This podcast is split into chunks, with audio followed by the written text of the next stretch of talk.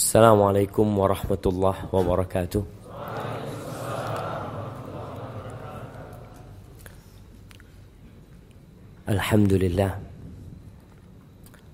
Alladhi waffaqana li ta'atihi. Wa arsyadana ila sabili huda. Segala puji bagi Allah Jalla Jalaluh Yang mengumpulkan kita Di atas ketakwaan kepadanya Tatkala semua perkumpulan Tatkala semua persahabatan Sirna Dan berubah menjadi permusuhan Hanya orang-orang yang bertakwa yang akan tetap bersama menuju surga Allah Jalla Jalaluh. Allahumma ala sayyidina Muhammadin wa ala alihi wa ashabihi ajma'in. Ya Allah, semoga salawat, salam senantiasa engkau curahkan untuk hamba kekasihmu. Untuk baginda Nabi kita Muhammad sallallahu alaihi wasallam manusia terindah yang pernah menginjakkan kakinya di muka bumi ini. Yang diutus oleh Allah rahmatan lil alamin. Dan semoga selawat bersambung untuk keluarga beliau.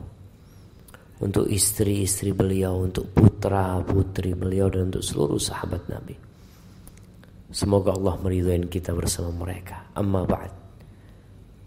Jamaah rahimakumullah. Sebagian anak sudah mulai ngantuk. Memang bawaannya habis asar ini bawaannya tidur. Nanti mau dengerin ceramah nggak? Ada dengerin ceramah sebagai pengantar tidur. Mau iya mau habis nanti 15 menit tahu-tahu hilang gitu ya. Tahu-tahu sampai ke Merauke, mana balik lagi. Jangan urusin ngurusin orang Ustaz. Urusin diri sendiri. Itu tema kita pada sore hari ini. Tanggal 24 Jumadal Akhirah 1440 Hijriah. Antum. Ya. Berapa hari lagi kita Ramadan? Biar yang ditanya jawab. Jangan ngurusin orang antum. Nah, mana hadiahnya? Mana panitia ini? Hadiahnya mana? Apalah semen satu sak, dua sak taruh sini. Masa menara busua nggak ada hadiahnya? Bawa ini semen nggak apa-apa. Dua tiga sak suruh bawa pulang. Semen. Nah, antum. Berapa hari lagi kita puasa? 70. Betul. Bisa 70. Insya Allah. Antum. 66 hari. Kok bisa ngitungnya? Gimana ngitungnya? Gimana? Ada di sosial media. Antum nggak pakai ngitung berarti. Eh, betul. Tinggal ah, ngitungnya gimana? Anda disebutkan hari ini tanggal berapa? 24 Jumadal Akhirah. Habis Jumadal Akhirah bulan apa? Bulan apa? Biar dia yang jawab ya, Pak. Kita ini belajar tidak ngurusin orang.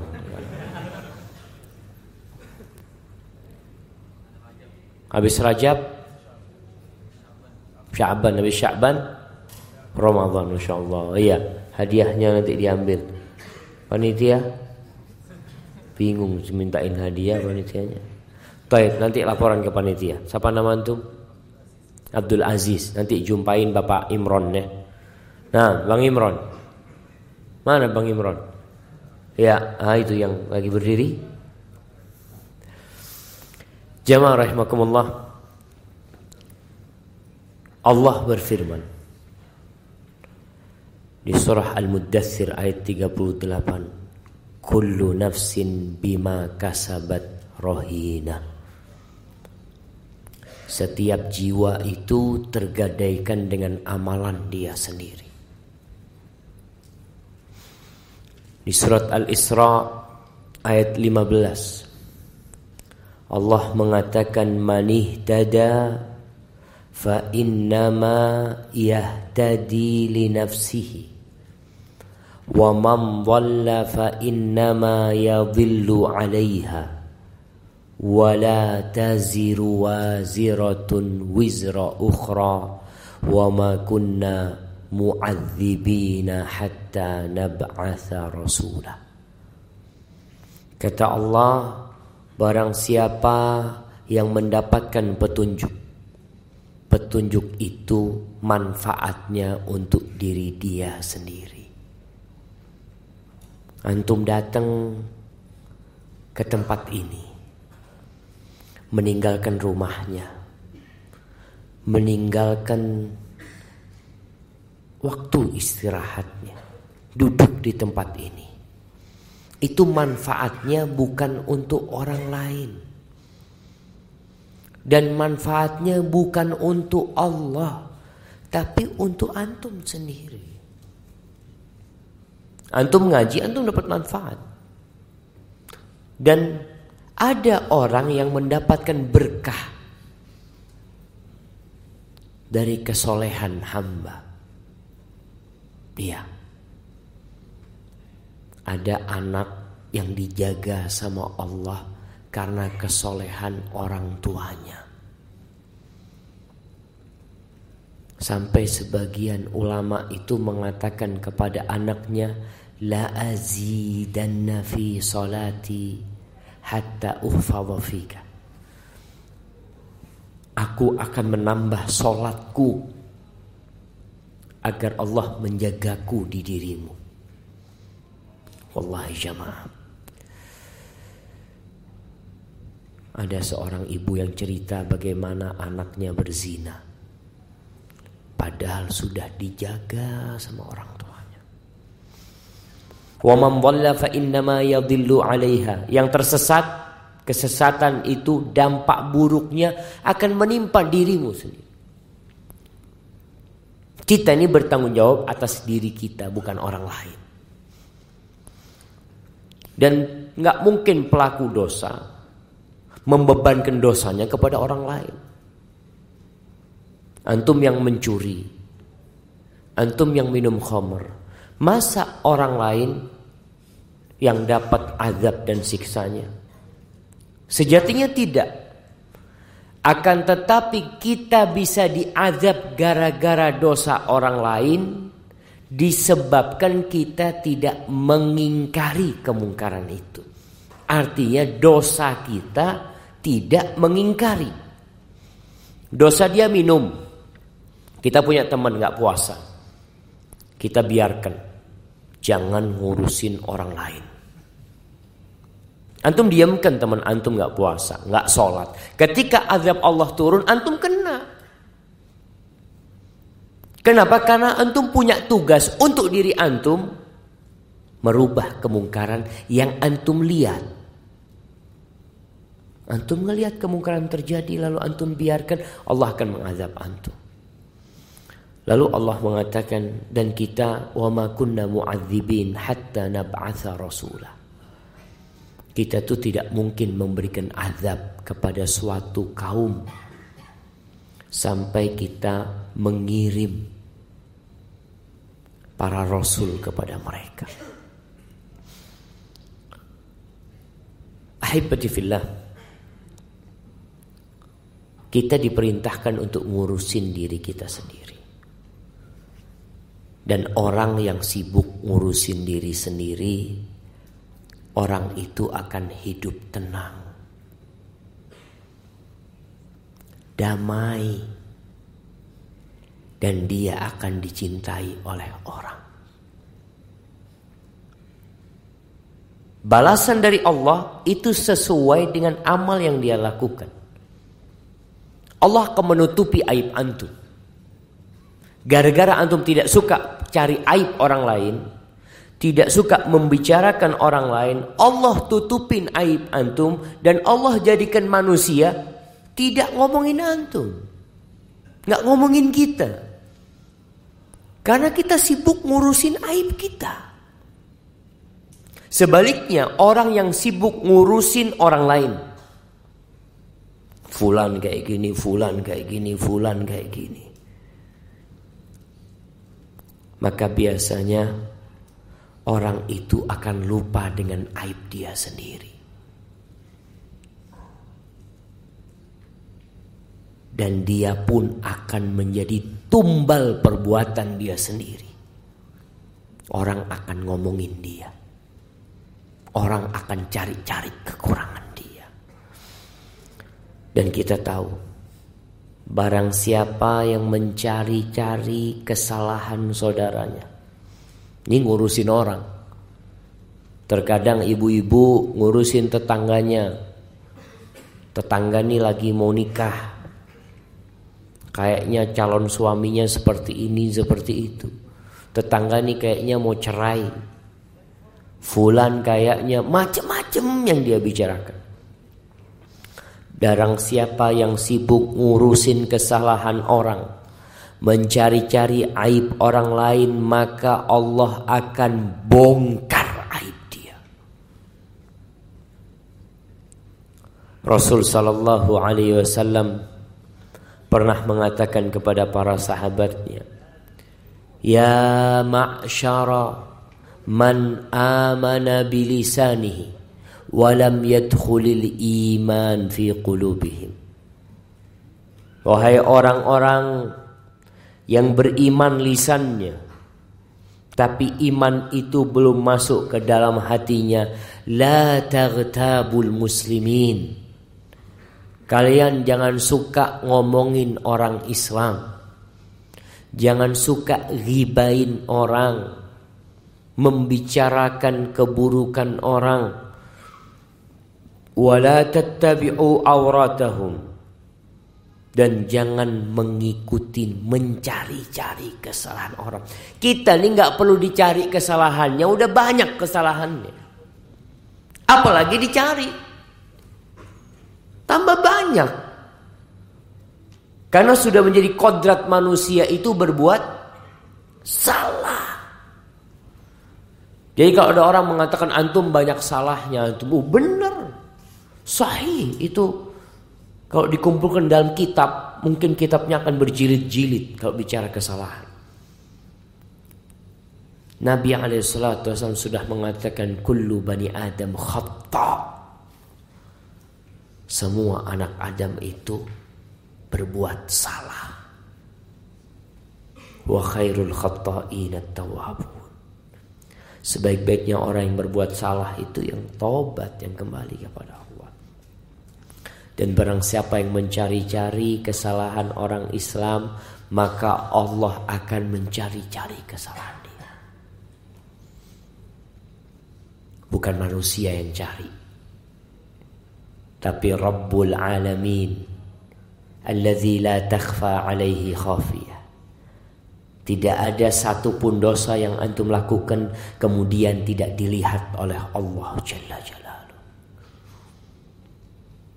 Maka orang itu akan dilecehkan, dibongkar aibnya, sedangkan dia berada di dalam rumahnya.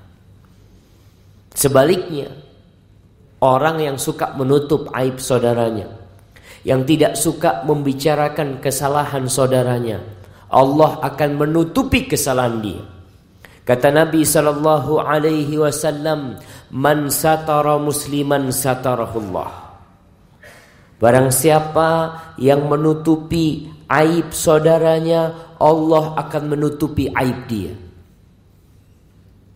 Jadi kalau antum ingin kesalahan antum tidak dibongkar, tidak dibicarakan oleh orang, mudah sekali. Antum jangan bicarakan kesalahan orang. Jamaah manusia yang sibuk membicarakan kesalahan orang lain, kekurangan orang lain, keburukan orang lain, dia itu sejatinya hendak menutupi kekurangan dia sendiri. Dia itu banyak salah, tapi gimana supaya orang tidak melihat kesalahannya? Dia bicarakan kesalahan orang.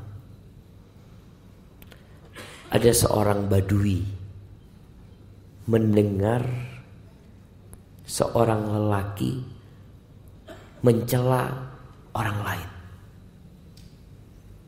Keburukannya dia bicarakan. Lalu apa kata orang ini? Laqad istadlalta ala uyubika bikathrati dzikrika li uyubin nas. Engkau itu sekarang menunjukkan aib-aib yang ada pada dirimu dengan cara engkau menyebutkan aib orang lain. Sebenarnya yang engkau itu seperti itu sebenarnya. Maka engkau membicarakan aib orang lain untuk menutupi aib dirimu sendiri. Lianna taliba laha yatlubuha biqadri ma fihi minha. Orang yang mencari-cari kesalahan itu sebenarnya dia mencari sekadar dengan aib yang ada pada dirinya. Aku tuh kayak gini, kayaknya orang ini sama kayak aku. Ahibati fillah. Kita tuh ketika mencari kesalahan orang disebabkan karena kita ujub dengan diri kita sendiri. Antum merasa udah benar, merasa paling baik, sehingga antum mulai membicarakan orang lain. Aun bin Abdullah, salah seorang tabi'in, dia mengatakan la ahsabur rajul yanzuru fi uyubin nas illa min ghaflatin qad ghafalaha an nafsi. Aku ngira kalau ada orang membicarakan aib orang, sibuk membicarakan orang lain, dia itu sedang lupa dengan aib dia sendiri. Makanya kita butuh cermin ya, Untuk melihat kalau anak ini, anak sekarang pakai baju ini, baju putih. Kadangkala Anda melihat ada orang pakai baju putih juga. Anda ngomong, eh baju antum ada kopinya di sini. Anda melihat. Padahal di belakang punggung Anda semuanya bekas kopi. Cuma Anda tidak melihat. Orang lain yang melihat. Ustadz, antum ngomongin orang ada kopinya di sini. Punggung antum semuanya kopi Ustaz. Astagfirullahaladzim. Kita kadang kala lupa. Muhammad bin Sirin seorang tabi'in rahimahullahu taala mengatakan kunna nuhaddath anna aktsaran nas khataya afraghuhum li dzikri khatayan nas. Dulu kita tuh dikasih tahu, dulu kita dikasih tahu. Orang yang paling banyak salahnya adalah orang yang paling sering membicarakan kesalahan orang. Itu orang paling banyak salahnya. Sehingga dia berusaha ngomongin kesalahan orang. Malik bin Dinar rahimahullahu taala mengatakan kafa bil mar'i ithman alla yakuna salihan. Cukup sebagai dosa orang itu tidak jadi orang soleh. Antum tuh cukup menjadi pelaku dosa ketika antum tidak jadi orang soleh. Thumma yajlis fil majalis wa yaqa fi salihin. Lalu antum duduk sama orang mulai membicarakan kesalahan orang-orang soleh. Kenapa? Ya karena dia nggak soleh. Bakar bin Abdullah mengatakan, "Idza ra'aitumur rajul muwakkalan bi uyubin nas, nasiyan li uyubihi fa'lamu annahu qad mukira bihi." Kalau engkau melihat seorang yang disibukkan dengan aibnya orang lain, lupa dengan aibnya dia sendiri, ketahuilah orang ini orang yang kasihan. Dia sedang tertipu. Rasulullah sallallahu alaihi wasallam bersabda dalam hadis yang diriwayatkan Ibnu Hibban dan disahihkan oleh Syekh Albani rahimahullahu taala qala Rasulullah sallallahu alaihi wasallam yubsiru ahadukum al-qadha fi aini akhi wa yansal jid'a fi ainihi ini sabda Nabi sallallahu alaihi wasallam seperti pepatah yang ada di Indonesia. Apa pepatah di Indonesia gajah di pelupuk mata. Apa pepatahnya coba? Apa? Gajah di pelupuk mata nggak kelihatan. Semut di seberang lautan nampak sama dia. Nabi Alaihissalam mengatakan seorang di antara melihat kotoran kecil mungkin seperti debu yang ada di mata saudaranya. Dia kelihatan. Matamu kok ada kotorannya. Dan dia lupa kalau ada pohon, sebatang pohon di mata dia. Nggak kelihatan. Ini sabda Nabi alaihissalatu wassalam. Sejak 1440 tahun yang lalu Nabi alaihissalatu wassalam berusaha mendidik umatnya. Jemaah sibuk dengan kesalahan orang lain ya, itu akan mendorong kita untuk riba. Awalnya sih dari suudzon. Makanya Allah larang kita suudzon. Allah mengatakan ya ayyuhalladzina amanu ijtanibu katsiran minadh-dhann. Wahai orang-orang yang beriman jauhi kebanyakan prasangka. Inna ba'dadh-dhanni isim.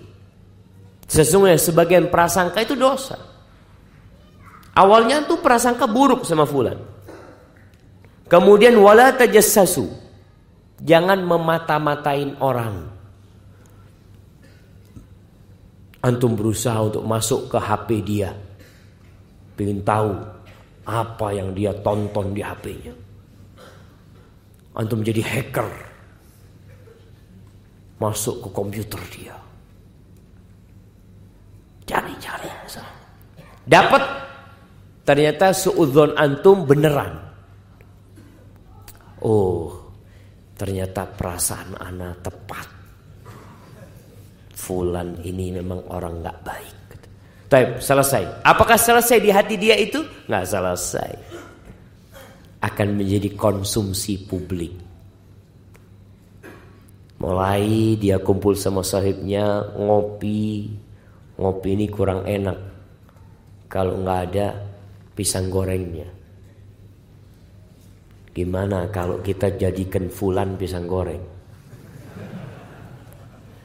Allah mengatakan wala yaghtab ba'dukum ba'dha. Janganlah sebagian di antara kalian menggunjing sebagian lainnya. Ayuhibbu ahadukum ayyakula lahma akhihi maitan fakarihtum. Apakah mau kalian memakan bangkai saudara kalian?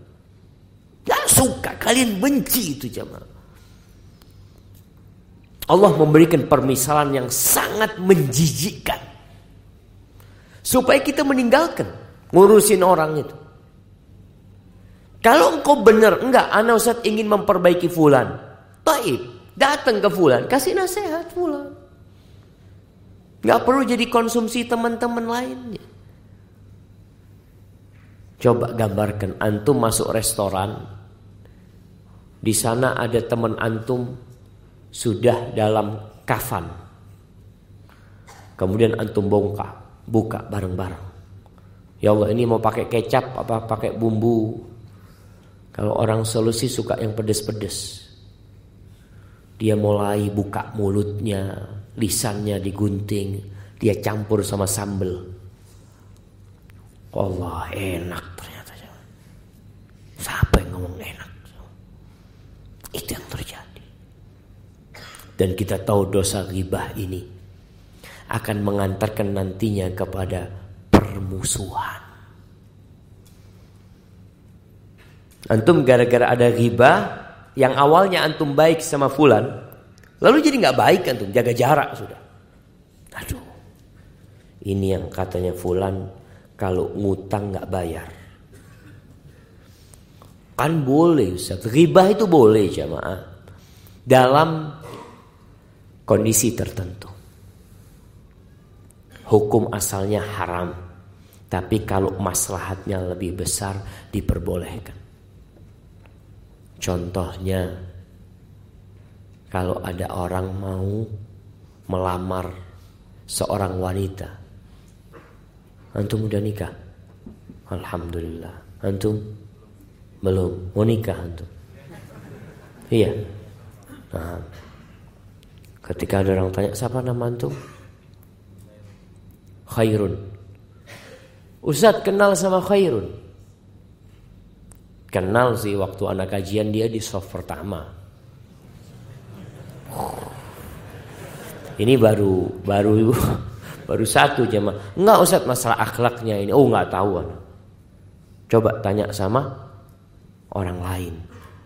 Cari tahu. Ini bukan mencari-cari kesalahan. Tapi memang ingin mencari tahu tentang khairun ini karena mau diambil mantu. Anak kepingin tahu Ustaz. Boleh, boleh pada waktu itu. Antum masuk kepada akun Facebook dia. Dilihat dengan siapa dia berteman. Masuk ke IG dia. Dia tuh jadi followernya siapa? Oh ternyata followernya Ronaldo. Hai. Kayaknya kurang baik ini. Masa jadi followernya orang kafir? Ada yang jadi followernya Ronaldo di sini. Hati-hati jamaah. Kita cari tahu sampai ada oh Herun ini zat memang Ustaz kalau kajian soft pertama Ustaz tapi orangnya bakhil Ustaz. Pelit Boleh nggak ngomong seperti itu? Boleh nggak jamaah? Boleh dalam bab memang mau menikahkan dia dengan anak kita. Anak mau cari tahu memang. Soalnya perempuan kalau dapat suami yang bakhil kesian. Betul sama. Perempuan tuh kalau kasih dua pilihan, dapat pemuda tampan, gagah, tapi pelit, sama dapat satu, ya orang sudah agak tua, tapi royal sama duitnya. Milih mana perempuan itu jemaah? Yang royal duitnya ya. Nggak laku antum lewat udah. Nah maka dalam kondisi seperti ini ketika orang bukan mencari-cari kesalahan bukan. Maka kita perlu membedakan hal itu. Ahibati fillah. Al-A'mash mengatakan sami'tu Ibrahim yaqul inni la ara akrahu Fama yamna'uni an atakallama fi illa makhafata an ubtala bimithli. Aku melihat sebuah keburukan terjadi. Aku bisa ngomong, tapi aku tahan diri. Tahu kenapa aku nggak ngomong? Karena aku takut dikasih balak seperti itu nantinya. Antum ribain fulan, fulan kayak gini, kayak gini, gini. Bisa jadi suatu saat antum kena itu balak. Maka hati-hati lisan antum jaga. Fulan ini nggak kawin-kawin ya. Mungkin Mungkin apa? Antum kalau ngelihat jomblo nggak kawin-kawin. Nah, mana yang umur 30 belum kawin? Angkat tangan. Jamaah. Umur 35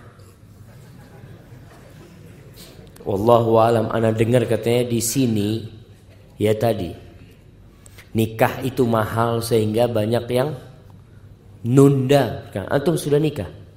Masya Allah. Umur berapa nikah?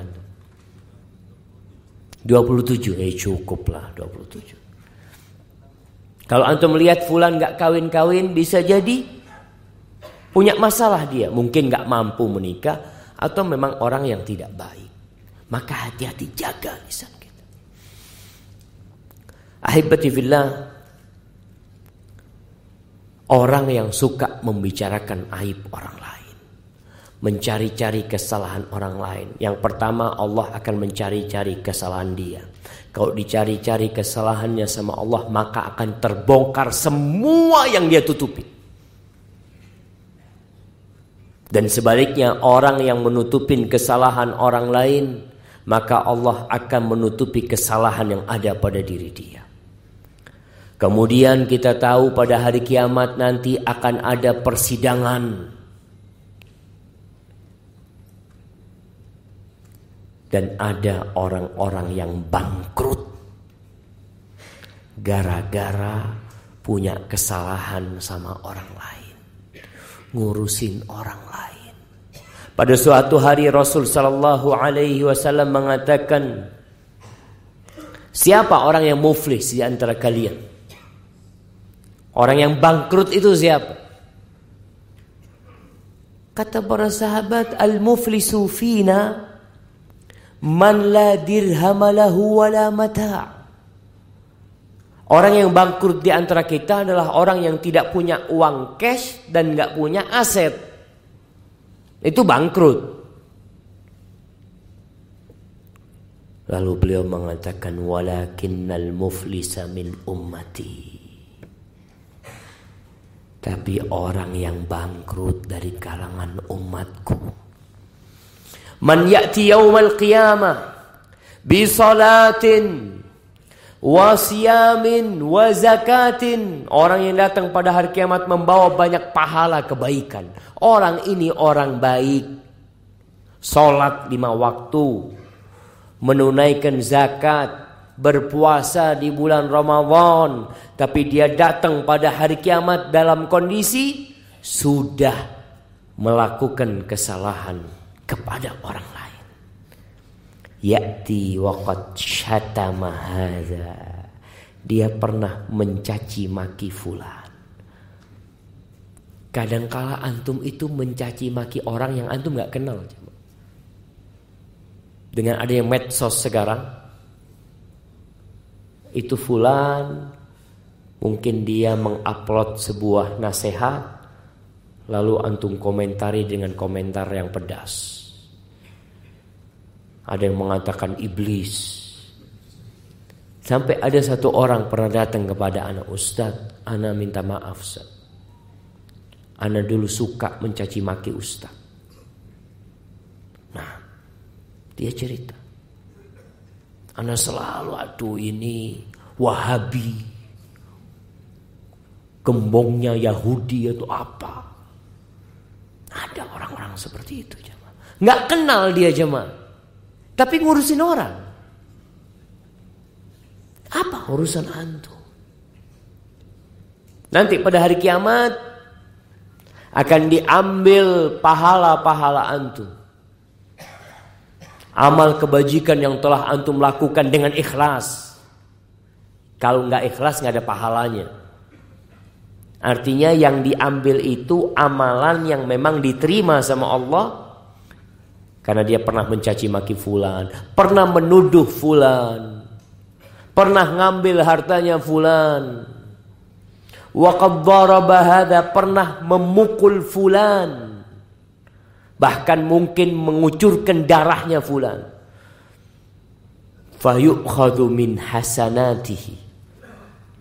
Maka akan diambil dari kesalahan-kesalahan afwan dari kebaikan-kebaikan orang ini diberikan kepada orang-orang yang pernah dia sakitin. Gimana kalau yang disakiti sama dia, yang pernah diribain sama dia, yang pernah dibully sama dia, itu orang banyak. Sampai seorang masyayikh menceritakan kalau antum mengatakan, "Oh, orang-orang Sulawesi itu memang umpamanya bakhil, Antum itu punya dosa sama orang Sulawesi semuanya. Gimana minta maafnya antum? Gimana antum minta maafnya? Apa lewat koran? Koran terbanyak di Sulawesi. Ana mohon maaf ya. Ana telah menuduh seperti ini umpamanya. Kalau ada yang menuduh sebuah kobilah, ini banyak terjadi. Oh orang Bugis itu seperti ini. Mungkin suku Bugis gak suka dengan suku Makassar Sama suku Mandar. Kadang-kala terjadi omongan-omongan tidak nyaman. Antum ada apa ngurusin orang? Kenapa? Karena dia merasa ujub tadi Merasa sudah suci, bersih dari dosa. Kalau ternyata nanti orang-orang yang pernah dia sakitin itu Semua telah selesai Sampai pahala antum habis. Datang orang lain. Ya Allah fulan ya Allah. Pernah menulis di akunku. Memberikan komentar. Kalau aku pendusta katanya. Aku pembohong. Pahalanya sudah habis. Lalu apa yang terjadi? Apa yang terjadi jemaah? Dosanya orang ini dilimpahkan kepada dia. Thumma finnar. Kemudian dimasukkan ke dalam api neraka. Haibati fillah. Kita jangan ngurusin orang. Urusin diri antum. Allah Jalla Jalaluh mengatakan ya ayyuhalladzina amanu ولتنظر نفس ما قدمت لغد واتقوا الله إن الله خبير بما تعملون ولا تكونوا كالذين نسوا الله فأنساهم أنفسهم أولئك هم الفاسقون Kata Allah Jalla Jalla wahai orang-orang yang beriman bertakwalah kalian kepada Allah hendaklah setiap jiwa setiap orang Bukan orang lain. Antum. Anak. Antum. Antum semua. Setiap jiwa melihat apa yang sudah antum persiapkan untuk hari esok. Antum lihat sekarang, antum bisa ngecek zikir antum berapa. Nggak usah ngelihat orang lain. Oh, fulan ini kayaknya ya nggak pernah sholat sunnah. Urusannya Kenapa antum bicara seperti itu? Antum tanya, antum sholat sunnahnya bagaimana? Sholat wajibnya antum gimana? Apakah sudah baik apa belum?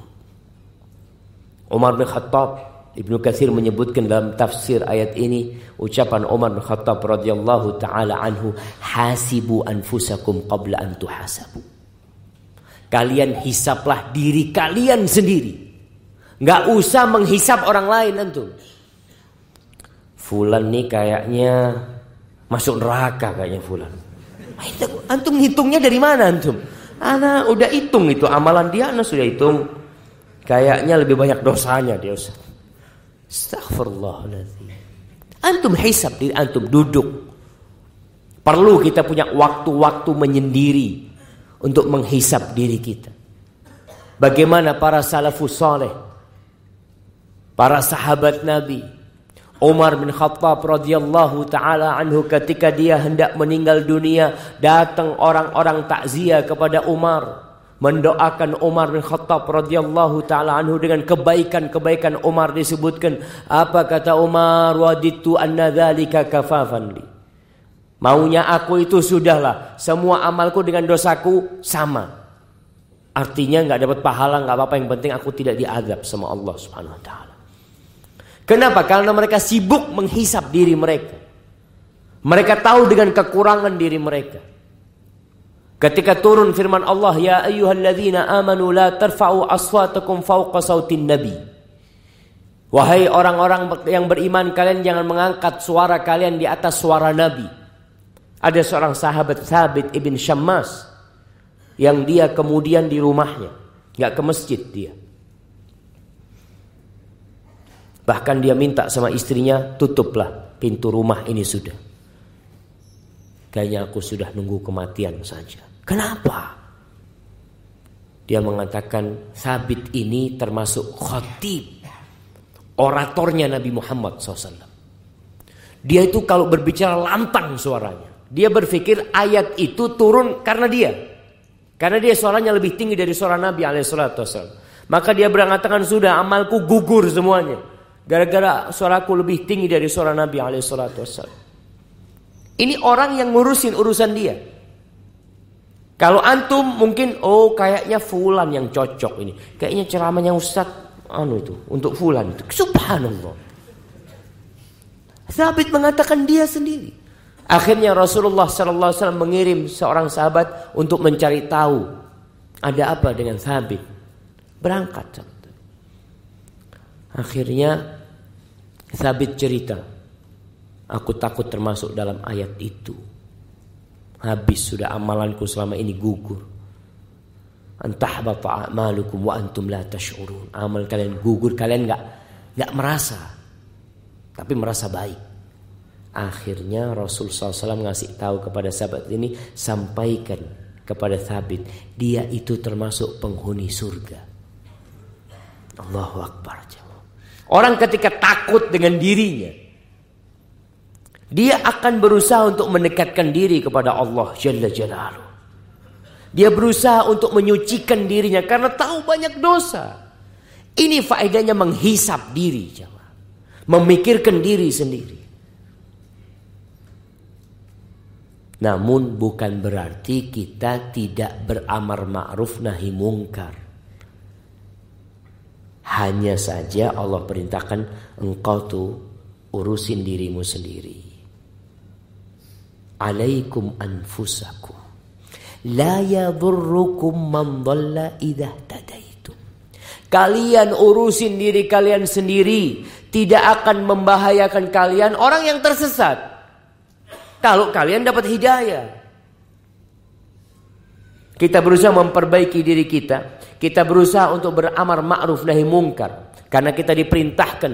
Wal takum minkum ummatun yad'una ilal khair. Wa ya'muruna bil ma'ruf wa yanhauna anil munkar.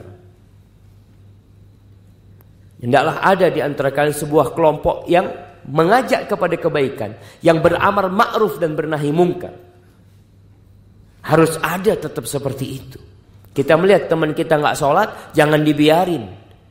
Kalau teman antum mengatakan urus dirimu sendiri. Sampaikan, engkau itu bagian dari diriku. Aku bersamamu itu seperti dua ruh dalam satu jasad. Al-mu'min lil mu'min kal bunyan yashuddu ba'duhu ba'dha. Mukmin dengan mukmin lain itu ibaratkan bangunan yang saling menguatkan. Antum melihat orang-orang berzina, minum khamar di kampung nyabu, jangan dibiarin. Kalau mereka mengatakan nanti antum urus diri antum sendiri, ana sedang ngurus diri ana sendiri. Ana bakal ditanya sama Allah Jalla Jalaluh. Engkau melihat kemungkaran, kenapa engkau tidak perbaikin? Ana bakal ditanya, bukan antum yang ditanya. Urusan antum nanti sama Allah, urusan antum sendiri. Allah akan tanya sama ana. Dan kita tahu jamaah, salah satu penyebab turunnya azab dalam hadis Zainab ketika Rasul sallallahu alaihi wasallam ditanya oleh Zainab, "Ya Rasulullah, anahliku wa fina salihun. Mungkinkah kita binasa? Mungkinkah kita hancur? Padahal di tengah-tengah kita ada orang-orang soleh. Masih ada imam masjid. Masih ada yang sholat di masjid. Masih ada yang membaca Al-Quran. Masih ada yang berzikir. Masih ada yang puasa Senin Kemis. Mungkinkah kita hancur binasa? Mungkin tidak. Apa kata Nabi sallallahu alaihi wasallam? Naam. Idza kathurul khabath. Iya. Mungkin saja. Apabila banyak kekejian yang merajalela di masyarakat. Orang soleh ada tapi kemungkaran merajalela. Allah mengatakan wattaqu fitnatan la tusibanna alladhina zalamu minkum khassah wa'lamu annallaha syadidul iqab. Takutlah kalian kepada fitnah, kepada azab, kepada kekacauan yang tidak menimpa pelaku dosa saja, yang tidak menimpa orang-orang yang zalim saja. Khusus ini azab khusus buat orang-orang yang zalim. Pertanyaannya, kalau terjadi gempa, apakah hanya untuk orang yang zalim? Apakah imam masjid nggak kena? Apakah masjid tidak hancur? Kita melihat apa yang terjadi di Palu. Kita melihat apa yang terjadi di Lombok. Masjid hancur. Rumah Allah hilang di telan bumi. Apa salahnya anak-anak kecil harus ditelan bumi? Orang lagi dengan kerudungnya mungkin mati. Allahu Akbar jamaah. Di Palu itu ada sebuah sekolahan tahfid. Pondok tahfid Quran untuk perempuan. Anda kalau dengar ceritanya itu ketika terjadi gempa ada beberapa anak di dalam sana, perempuan anak-anak masih. Mereka malam hari itu kejadiannya maghrib apa mau isya waktu itu. Mereka akhirnya terpisahkan satu sama lain, mereka lari akhirnya tertimpa. Akhirnya mereka saling mengaji. Jangan. Memang satu membaca amma yatasaalun. Nanti ada yang melanjutkan anin naba'il azim. Nanti ada suara dari jauh alladzi hum fihi mukhtalifun. Terus kita nunggu bantuan berhari-hari. Besoknya suara yang di sana sudah hilang. Suara yang di sana sudah hilang. Mati. Maka kita tidak boleh membiarkan kemungkaran terjadi. Tugas kita ketika melihat kemungkaran. Kata Nabi sallallahu alaihi wasallam, "Man ra'a minkum munkaran falyughayyirhu biyadihi." Fa in lam yastati' fa bi lisanihi, fa in lam yastati' fa bi qalbihi, wa dzalika adhaful iman. Yang tidak bisa merubah kemungkaran dengan tangannya, maka dengan lisannya. Sampaikan, mas, waktunya sholat. Ayo sholat. Kita lihat di bulan Ramadan bentar lagi. Banyak orang-orang yang puasa tapi nggak sholat. Untuk pernah melihat acara buka bersama. Buka bersama. Anak pikir buka bersama itu buat orang-orang soleh jemaah. Di restoran jemaah. Sudah azan terus makan ya. Sampai isya masih makan mereka. Anda ngomong kapan sholatnya mereka? Mungkin anak suudzon aja jamaah. Bisa jadi mereka sholat dalam mengantarkan makanan-makanan itu. Mungkin mereka sholat di sana. Wallahu a'lam. Rubah kemungkaran. Kita menjaga negeri ini jamaah. Negeri ini kita jaga. Kita punya teman melakukan riba utang riba. Kita kasih tahu. Sayang kamu kalau pakai riba. Kenapa? Saya bisa bayar kok. Bukan masalah bayar gak bayar. Antum itu terlaknat. Gimana terlaknat? Tiap hari antum berdoa, Rabbil firli warhamni, Rabbil firli warhamni. Minta rahmat Allah. Ya Hayyu Ya Qayyum. Birahmatika astaghith. Sedangkan Allah telah melaknat orang yang makan riba. Maka kita perlu kasih tahu saudara-saudara kita. Jangan dibiarin. Kecuali kita udah kasih tahu dia ngomong udah antum gak usah ngurusin anak. Iya. Anak akan terus menyampaikan setelah itu tugas anak selesai. Yang tidak bisa mengingkari dengan lisannya, ingkari dengan hatinya.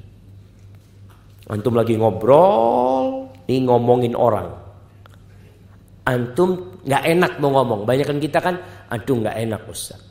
Di grup kadang kala sekarang ngomong nggak harus kumpul. Kadang kala di grup mulai ngomong fulan, fulan kayak gini kayak gitu. Antum melihat itu. Apa tugas antum? Anda tidak bisa mengingkari dengan lisan Ustaz. Anda mengingkari dengan hati. Bagus. Tapi konsekuensinya antum harus keluar dari sana. Konsekuensi orang yang mengingkari dengan hatinya harus meninggalkan tempat kemaksiatan itu. Kemaksiatan itu. Rasulullah SAW berlepas diri. Ana bari, kata Nabi SAW, aku berlepas diri dari seorang muslim yang duduk di meja makan yang di situ ada khomer. Antum mengatakan, ana nggak minum khomer Ustaz. Ana alhamdulillah, ana minta minuman soda. Alhamdulillah, ana bisa menjaga diri Ustaz. Teman-teman anak pada mabuk semua. Na'udzubillah. Antum ada di tempat itu. Makanya kata para ulama, kalau ada orang melihat kemungkaran, kemudian dia mendiamkannya, apa namanya? Syaitonun akhros. Setan tapi bisu, nggak bisa ngomong. Maka itu konsekuensi kita jemaah. Dan apabila amar ma'ruf ditinggalkan. Nahi mungkar diabaikan. Kita hanya tinggal tunggu. Kapan negeri kita ini akan hancur jamaah. Yang di rumahnya tolong urusin keluarganya.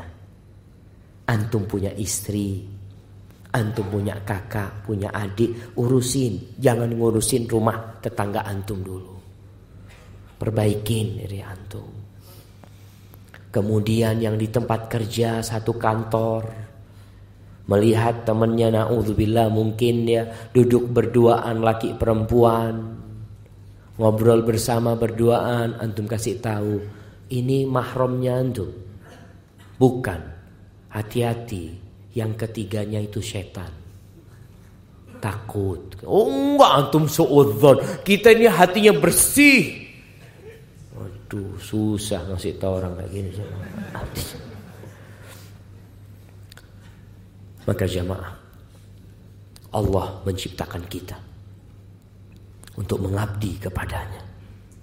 Dan kita akan disidang sendiri-sendiri pada hari kiamat nantinya. Antum persiapkan jawaban. Teman antum akan mempersiapkan jawaban ketika dia ditanya. Karena semuanya akan diberhentikan di padang mahsyar. Akan ditanya tentang umur yang Allah berikan kepada dia. Antum nggak akan ditanya tentang umurnya fulan. Sohib antum itu umurnya dihabisin buat apa? Waduh. Iya, ya Allah, anak lihat dia main bola, sholat. Nggak ada pertanyaan kayak gitu. Antum akan ditanya umur antum buat apa? Waktu yang Allah berikan kepada antum dipakai buat apa? An umrihi fima afna. Akan ditanya tentang harta antum, bukan harta tetangga antum. Antum akan ditanya, min aina tasabtahu wa fima anfaqtahu. Dari mana kamu dapat duit itu dapat dari mana? Nggak perlu ngomong fulan ini beli motor dapat dari mana duitnya ya? Nggak ada urusan antum. Antum akan ditanya. Antum HP ini dapat dari mana antum HP ini? Ditanya.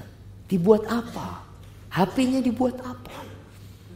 Kemudian akan ditanya ilmunya. Fulan ini Ustaz, Masya Allah lulusan pesantren Ustaz.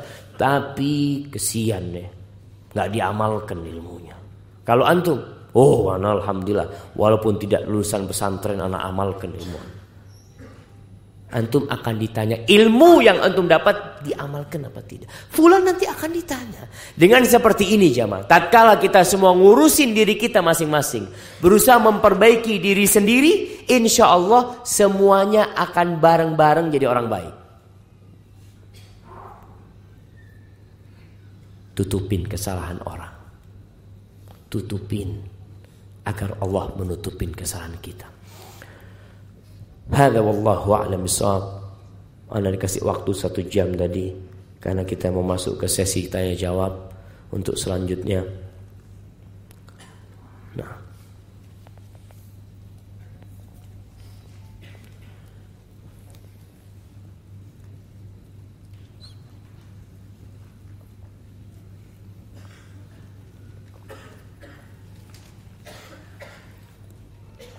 Afan Ustaz, Ana punya teman pengurus masjid.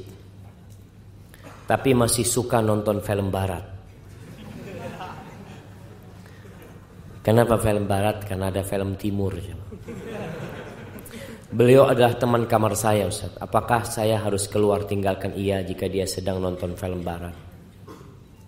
Ya antum kasih nasihat dia. Karena termasuk kesempurnaan agama seorang muslim tarkuhu ma la yakni.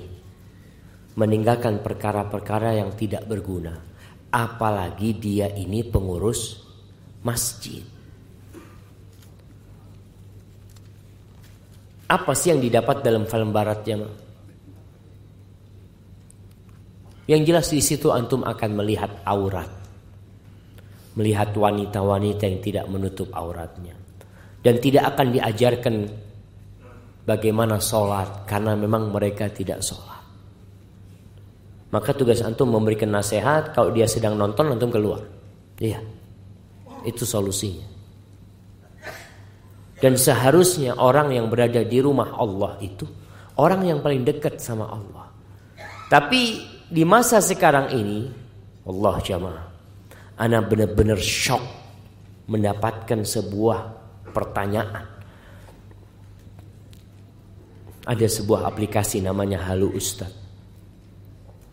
Itu seorang bertanya, Ustadz, Ana mau tanya Ustadz, ada tetangga kami, dia itu pegawai di KUA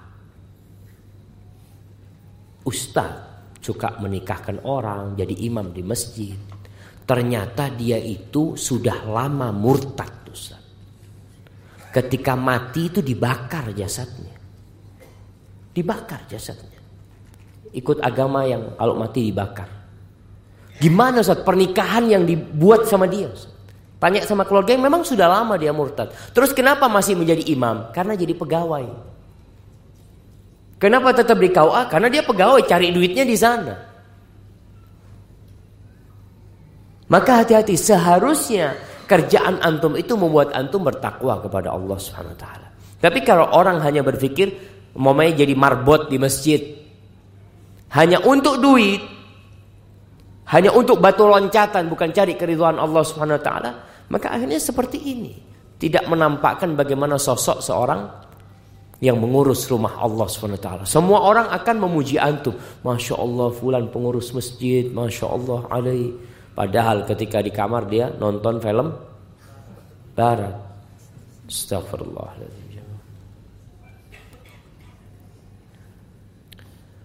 Bagaimana cara mengajak tetangga dekat rumah atau teman sendiri untuk sholat di masjid berjamaah tanpa menyakiti hatinya? Karena terkadang ada niat tapi sangat sulit untuk dikerjakan. Ya tinggal diajak jamaah. Eh yuk sudah azan. Oh iya. Insya Allah lah antum duluan berangkat. Nanti dia nggak berangkat lagi. Ana pernah di kampung itu. Ya teman-teman dulu. Ayo masjid masjid jamaah. Masjid gitu. Iya titip titip sekarang. Titip sholat kita menghadapi orang-orang yang memang jauh dari agama ini, kita harus sabar. Artinya antum tidak perlu mencaci maki dia. Antum mengajak dia dengan cara yang baik-baik. Sampaikan ayolah sekali-kali lah ke masjid. Antum akan merasakan sensasinya. Beda sholat masjid itu. Ada orang yang nggak pernah ke masjid kecuali Jumatan jamaah. Setelah dia ke masjid pada maghrib ya dia merasakan ya Allah kok enak ya ke rumah Allah? Itu yang perlu kita mengajak mereka bagaimana ke masjid. Dengan menyampaikan kepada dia ini loh pahala sholat ke masjid seperti ini seperti itu. Karena itu termasuk yang memotivasi orang untuk beramal itu ilmu. Ada seorang yang mengatakan kepada ana sejak ana tahu fadilah sholat isya dan subuh berjamaah ke masjid, ana berusaha untuk mening tidak meninggalkan dan berusaha untuk tidak telat. Karena dia tahu fadilahnya. Apa fadilahnya? Man sallal isya fil jamaah faka'anna maqama nisfal lail. Kata Nabi sallallahu alaihi barang siapa yang salat isya berjamaah seakan-akan dia salat setengah malam. Wa man sallal fajr fil jamaah faka'anna maqamal laila kullah. Yang salat subuh berjamaah seakan-akan salat semalam suntuk. Siapa yang kuat dari jam 8 berdiri sholat sampai subuh. Dia mengatakan gak kuat. Makanya anak paling tidak dua sholat ini anak jaga. Anak dapat pahala sholat tahajud semalam suntuk. Ilmu yang membuat orang itu jadi berubah. Maka tugas antum bagaimana sekarang ilmu ini bisa sampai kepada bisa lewat buku. Ini ada buku bagus ini tentang fadilah sholat berjamaah.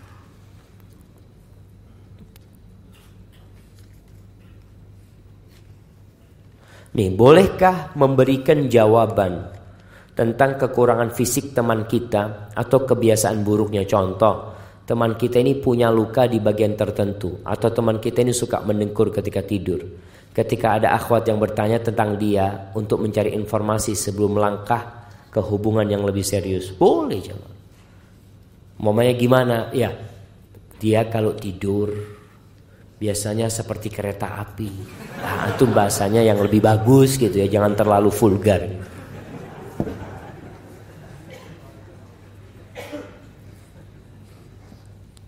Karena mendekur ini termasuk aib jemaah. Pernah ada suami istri bercerai gara-gara mendengkur.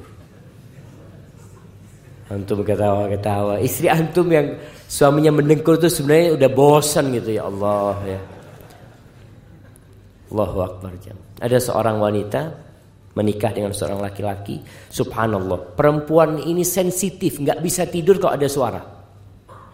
Suaminya subhanallah. Tidur langsung bunyi ya bang. Uh, uh. Itu istrinya nggak kuat, maka suaminya di digoyangin ya. Kalau kalau dibangunin kan akhirnya nggak menengkur dia.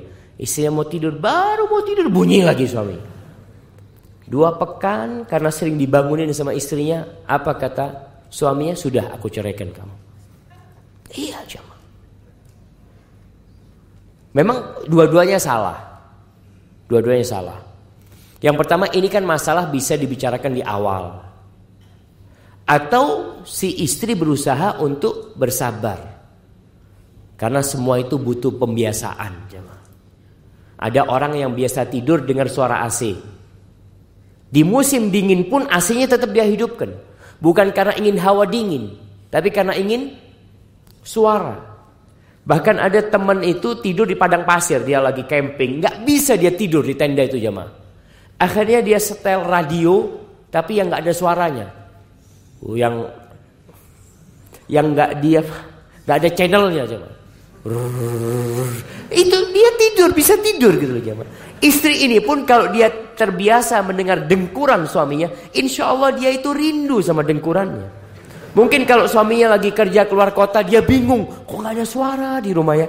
Dia setel radio akhirnya untuk mengenang. Itu hanya butuh pembiasaan. Tapi itu termasuk aib ya, termasuk aib yang memang tadi menyebabkan pernikahan itu jadi masalah. Ya kita sampaikan, Fulan ini ya kalau tidur mendengkur. Terus kalau ada luka yang memang membuat fisiknya itu jadi buruk. Tapi kalau luka-luka biasa nggak perlu. Ada luka di jarinya, ya nggak perlu lah seperti itu. Jadi apa saja aib yang bisa membuat pernikahan itu jadi bubar itu perlu diceritakan. Tapi kalau enggak nggak masalah. Oh dia botak sedikit ya kelihatan anak kalau botak lah. Umpamanya seperti itu.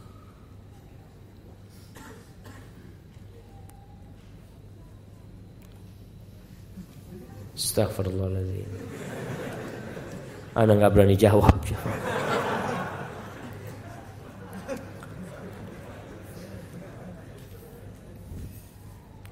Pak Ustadz, saya suka ceritain pimpinan kami secara berjamaah. Sama semua teman-teman di kantor.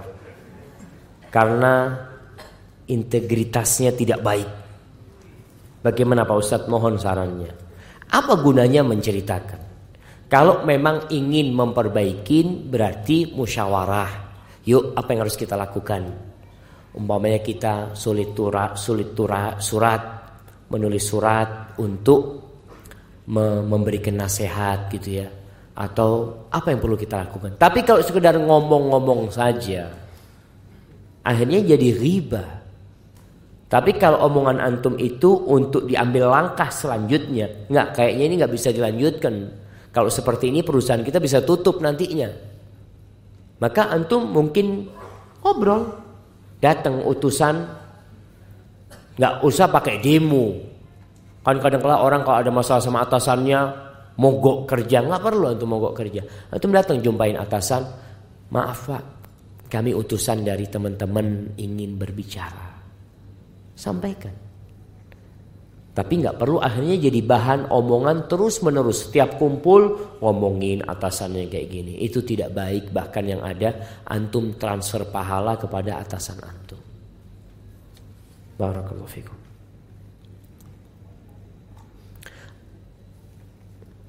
Apakah memberitahukan kesalahan orang lain kepada atasannya yang sudah sering mengganggu pekerjaan kita termasuk ghibah yang terlarang? Nah, di antara ghibah yang diperbolehkan itu mutawallimin. Orang yang dizolimi. Anda dizolimi oleh fulan. Lalu Anda sampaikan, Pak saya ini selalu diganggu sama fulan. Itu boleh. Karena bukan untuk menceritakan kesalahannya, tapi untuk diambil tindakan. Tentunya kita cerita ini kepada orang yang punya kebijakan. Gak mungkin antum cerita kepada istri antum. Datang kepada istri antum. Ana ini suka diganggu sama fulan. Kira-kira istri antum bisa ngambil tindakan? Gak bisa. Antum jadinya riba. Tapi kalau antum sampaikan kepada atasan yang memang memiliki kewenangan untuk ya untuk memanggil dia, maka itu yang seharusnya antum lakukan. Itu tidak termasuk ribah yang terlarang. Apakah ketika seorang istri menceritakan kesalahan atau kebiasaan yang terjadi di tetangganya kepada suaminya termasuk ghibah yang terlarang? Nah, kecuali si istri minta suami supaya menegur itu tetangga. Jadi kalau ngomongnya itu untuk mengambil tindakan dan kepada orang yang bisa mengambil tindakan itu termasuk diperbolehkan. Karena tujuan kita bagaimana kemungkaran ini semakin berkurang. Itu yang kita inginkan. Jadi kalau istri ngomong, bang tetangga ini bang, anak lihat tadi masukkan laki-laki bang ya ke rumahnya. Mungkin abang bisa ngasih tahu lah. Nah itu nggak apa-apa. Karena tujuannya supaya suami mengambil tindakan. Ada orang umpamanya pesta miras. Kita melihat, kita datang kepada Pak RT, kepada Bapak polisi kita sampaikan itu termasuk yang diperintahkan babnya bab amar ma'ruf nahi mungkar itu babnya.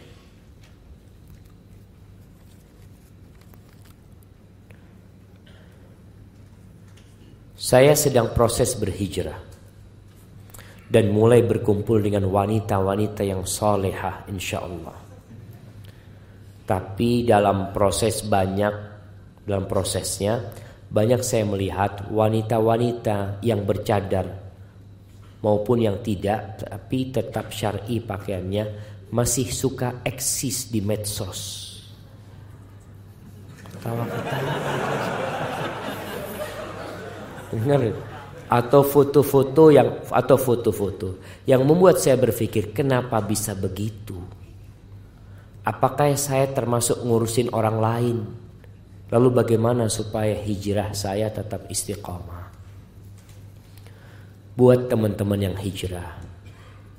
Hijrah itu bermula biasanya dari semangat. Alhamdulillah. Semangat ini harus ditopang dengan ilmu. Karena semangat saja tanpa ilmu akhirnya tersesat. Maka kalau anti melihat itu sesuatu kok kayaknya kurang pantas Ustaz ya. Itu benar. Orang kalau sudah hijrah tinggalkan segala perkara yang nggak berguna. Yang pertama tinggalkan yang haram. Kemudian naik lagi dia. Terus mendekatkan diri kepada Allah, meninggalkan yang makruh. Terus dia berusaha lagi naik lagi bab hijrahnya sampai dia meninggalkan yang mubah karena takut masuk kepada yang haram. Kadangkala kita meninggalkan hal-hal yang mubah karena takut menyeret kita kepada yang haram. Ngobrol itu boleh, tapi yang nanti tahu lama-lama ngobrol kayaknya nanti ngomong yang nggak enak Ustaz. Udah bisa, tinggalin sudah. Mulai berkurang. Sedangkan perempuan-perempuan yang sibuk selfie sana, selfie sini kadang kala. Tujuannya apa? Coba tanyakan kepada diri. Kenapa aku melakukan itu? Ingin pujian. Cukuplah pujian Allah untuk dirimu. Engkau jadi orang soleh. Nggak perlu engkau tunjukkan. Lagi kajian selfie. Selain sedang kajian. Dapat apa itu? Bisa jadi pahala antum hilang dengan cara seperti itu. Maka saatnya wanita yang soleha itu nuntut ilmu. Mulai dia introspeksi dirinya. Apakah hijrahku sudah benar? Karena ada yang hijrah hanya fisiknya saja. Jamaah pakai jilbab itu tinggal beli jilbab dipakai selesai. Pakai cadar itu tinggal beli cadar dipakai selesai. Tapi merubah perilaku itu memerlukan perjuangan. Sehingga antum bisa lihat kadangkala ada seorang yang mencuri, dia pakai jilbab panjang. Ana sampai kadangkala heran jemaah.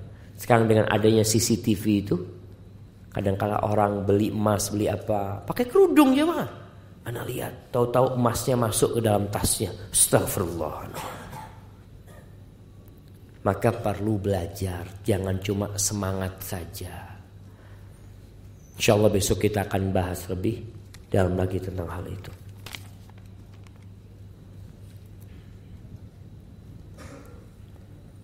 Jika Ana melarang teman Ana untuk mengambil ilmu dari Ustadz Fulan Karena si Ustadz Fulan tersebut menyimpang. Ana menjelaskan penyimpangan Ustadz tersebut kepada teman Ana. Apakah termasuk riba? Jamaah Termasuk fitnah. Setelah meninggalnya Rasulullah Sallallahu Alaihi Wasallam Itu munculnya sekte-sekte yang menyimpang dari agama Allah ini munculnya khawarij, munculnya syiah, munculnya mu'tazila, jahamiyah, terus kelompok-kelompok yang muncul. Dan Nabi SAW memang sudah mengingatkan kita. Beliau pernah mengatakan fa innahu man ya'ish minkum ba'di fasayara ikhtilafan katsira.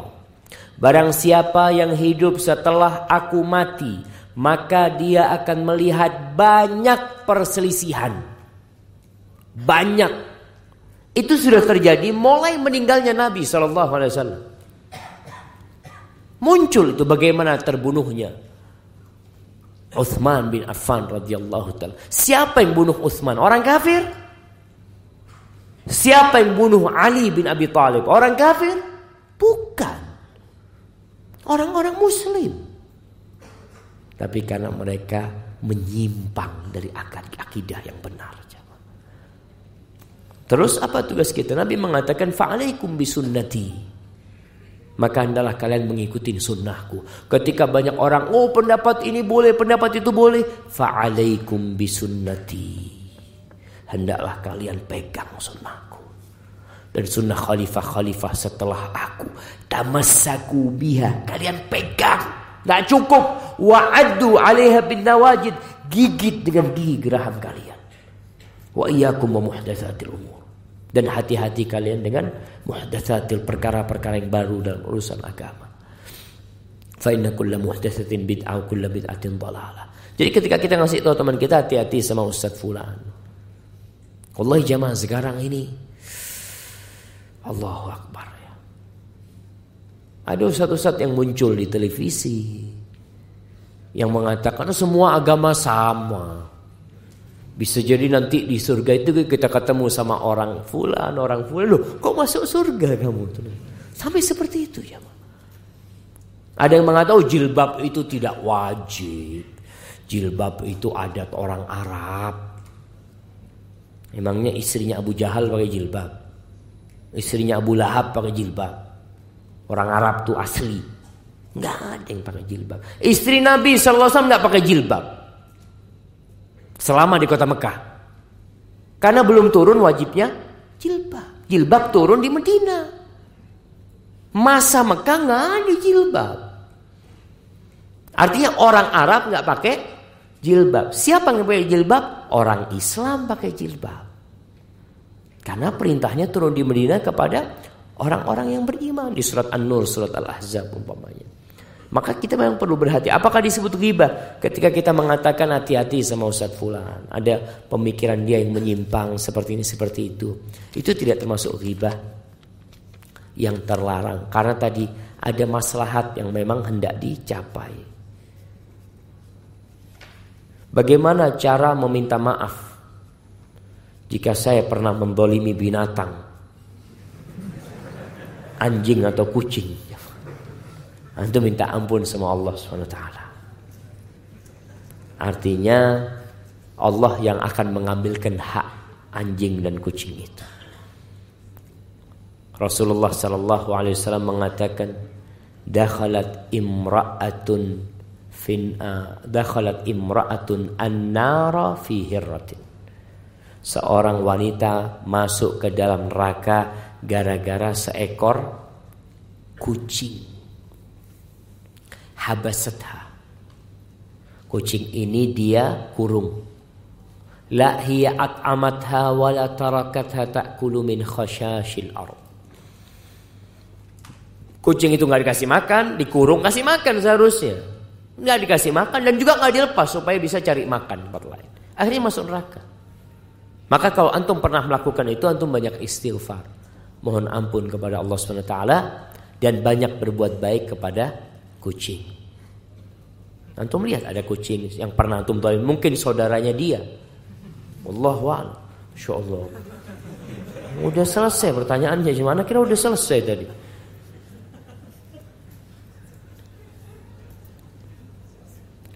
Ini akhir-akhir ini lagi sering dibahas masalah pilpres. Soalnya ada adalah banyak teman yang mendukung nomor satu jelek-jelekin nomor dua. Begitu pula pendukung nomor dua menyelekan nomor satu. Anda sudah sering beritahu dengan lisan tapi Facebook, Instagram dan jika sedang duduk bersama masih terus mengunjing calon-calon tersebut. Langkah apa lagi yang harus Anda lakukan Masya Allah jemaah. Ini termasuk keprihatinan bersama jemaah kita lihat ya Allahu Akbar. Caci, saling mencaci, saling memaki, saling menjelekkan semua itu adalah buah dari demokrasi. Itu konsekuensinya seperti itu emang. Saling membenci, saling memusuhi. Semuanya mengatakan kampanye damai. Damai, damai. Damai maksudnya nggak perang. Tapi ada yang mengatakan perang. Yang satu perang total, yang satu perang badar. Perang-perangan kan tuh. Subhanallah. Tugas kita. Jamaah antum harus tahu. Yang memberikan kekuasaan itu Allah Jalla Jalaluh. Bukan berarti yang dipilih jadi penguasa itu orang baik. Bukan. Bisa jadi yang jadi penguasa itu Fir'aun. Allah jadikan Fir'aun penguasa Mesir. Yang di bawah kekuasaan Fir'aun ada Nabi Musa alaihissalam. Ada Nabi Harun. Ada orang-orang soleh di sana. Allah jadikan. Allah jadikan Namrud penguasa atas siapa? Nabi Ibrahim alaihissalam. Makanya kita tuh perlu minta tolong sama Allah supaya Allah memberikan penguasa yang baik sama kita. Jangan hanya berpikir usaha. Kita berusaha memperbaiki diri kita supaya Allah kesian sama kita sehingga kita dikasih pemimpin-pemimpin yang baik. Allah mengatakan qulillahumma مالك الملك. تؤتي الملك من تشاء وتنزع الملك ممن تشاء وتعز من تشاء وتذل من تشاء. بيدك الخير. إنك على كل شيء قدير. جماعة الله سبحانه وتعالى taala dialah pemilik kepemilikan. Dialah yang menguasai segala sesuatu. Dia memberikan kekuasaan kepada siapa yang dia kehendaki. Dia cabut dari siapa yang Allah kehendaki. Bukan yang Allah cintai jemaah, bukan. Ini bicara masyiah, bicara kehendak Allah Subhanahu wa taala. Allah memuliakan yang Allah yang Allah orang yang Allah kehendaki, Allah menghinakan orang yang Allah kehendaki, kehendak bukan cinta. Seperti kita bisa melihat, ada orang kaya raya nggak pernah sholat kaya raya, nggak pernah datang ke masjid kaya raya. Kita bisa melihat kondisi seperti itu. Apa tugas kita? Ya kita bagaimana minta supaya Allah memberikan kepada kita pemimpin yang baik. Maka antum harus jadi orang baik. Antum berhenti mencela, berhenti memaki. Kalau memang ada yang buruk yang tidak antum sukai, apa yang bisa antum lakukan? Merubah? Alhamdulillah. Dengan lisan kita. Nggak bisa dengan hati kita. Paling tidak berdoa memohon kepada Allah Jalla Jalaluh. Antum doa Allahumma walli alal muslimina khiyarahum. Ya Allah jadikan penguasa buat orang-orang Islam itu orang-orang yang terbaik di antara mereka. Jaga sampai nanti pilpres selesai Kita minta kepada Allah SWT Semoga Allah menjaga negeri kita ini. Allahumma lakal hamdu kulluh Walaka syukru kulluh Wa ilaika yurja'ul amru kulluh. Allahumma la tada'lana zamban fi hadhal makan illa ghafarta Wala aiban illa satarta Wala daynan illa qadaitah Wa la hamman illa farrajtah ولا حاجة من حوائج الدنيا هي لك رضا ولنا فيها صلاة إلا قضيتها يا رب العالمين. اللهم اقسم لنا من خشيتك ما تحول به بيننا وبين معاصيك ومن طاعتك ما تبلغنا به جنتك ومن اليقين ما تهون به علينا مصائب الدنيا. ومتئنا بأسماعنا وأبصارنا وقواتنا ما أحييتنا واجعله الوارث منا واجعل ثأرنا على من ظلمنا. وانصرنا على من عادانا ولا تجعل مصيبتنا في ديننا ولا تجعل الدنيا أكبر همنا ولا مبلغ علمنا ولا تسلط علينا من لا يرحمنا Ya Allah jangan jadikan orang berkuasa kepada kami orang-orang yang tidak mengasihi kami ya Allah. Baca doa itu. Itu doa dibaca Nabi SAW. Kalau lagi majelis sama sahabatnya beliau biasanya baca doa itu. Antum cari waktu-waktu mustajab doakan diri antum, keluarga antum dan negeri kita. Semoga menjadi negeri yang baldatun tayyibatun wa rabbun ghafur. Baik, itu yang bisa Anda sampaikan. Manfaatkan waktu. Ini pertanyaan bisa dibawa nanti ke masjid. Untuk dilanjutkan di sana kurang lebihnya anon maaf. Subhanakallahumma bihamdika. Asyhadu an la ilaha illa anta astaghfiruka wa atubu ilaik. Assalamualaikum warahmatullahi wabarakatuh.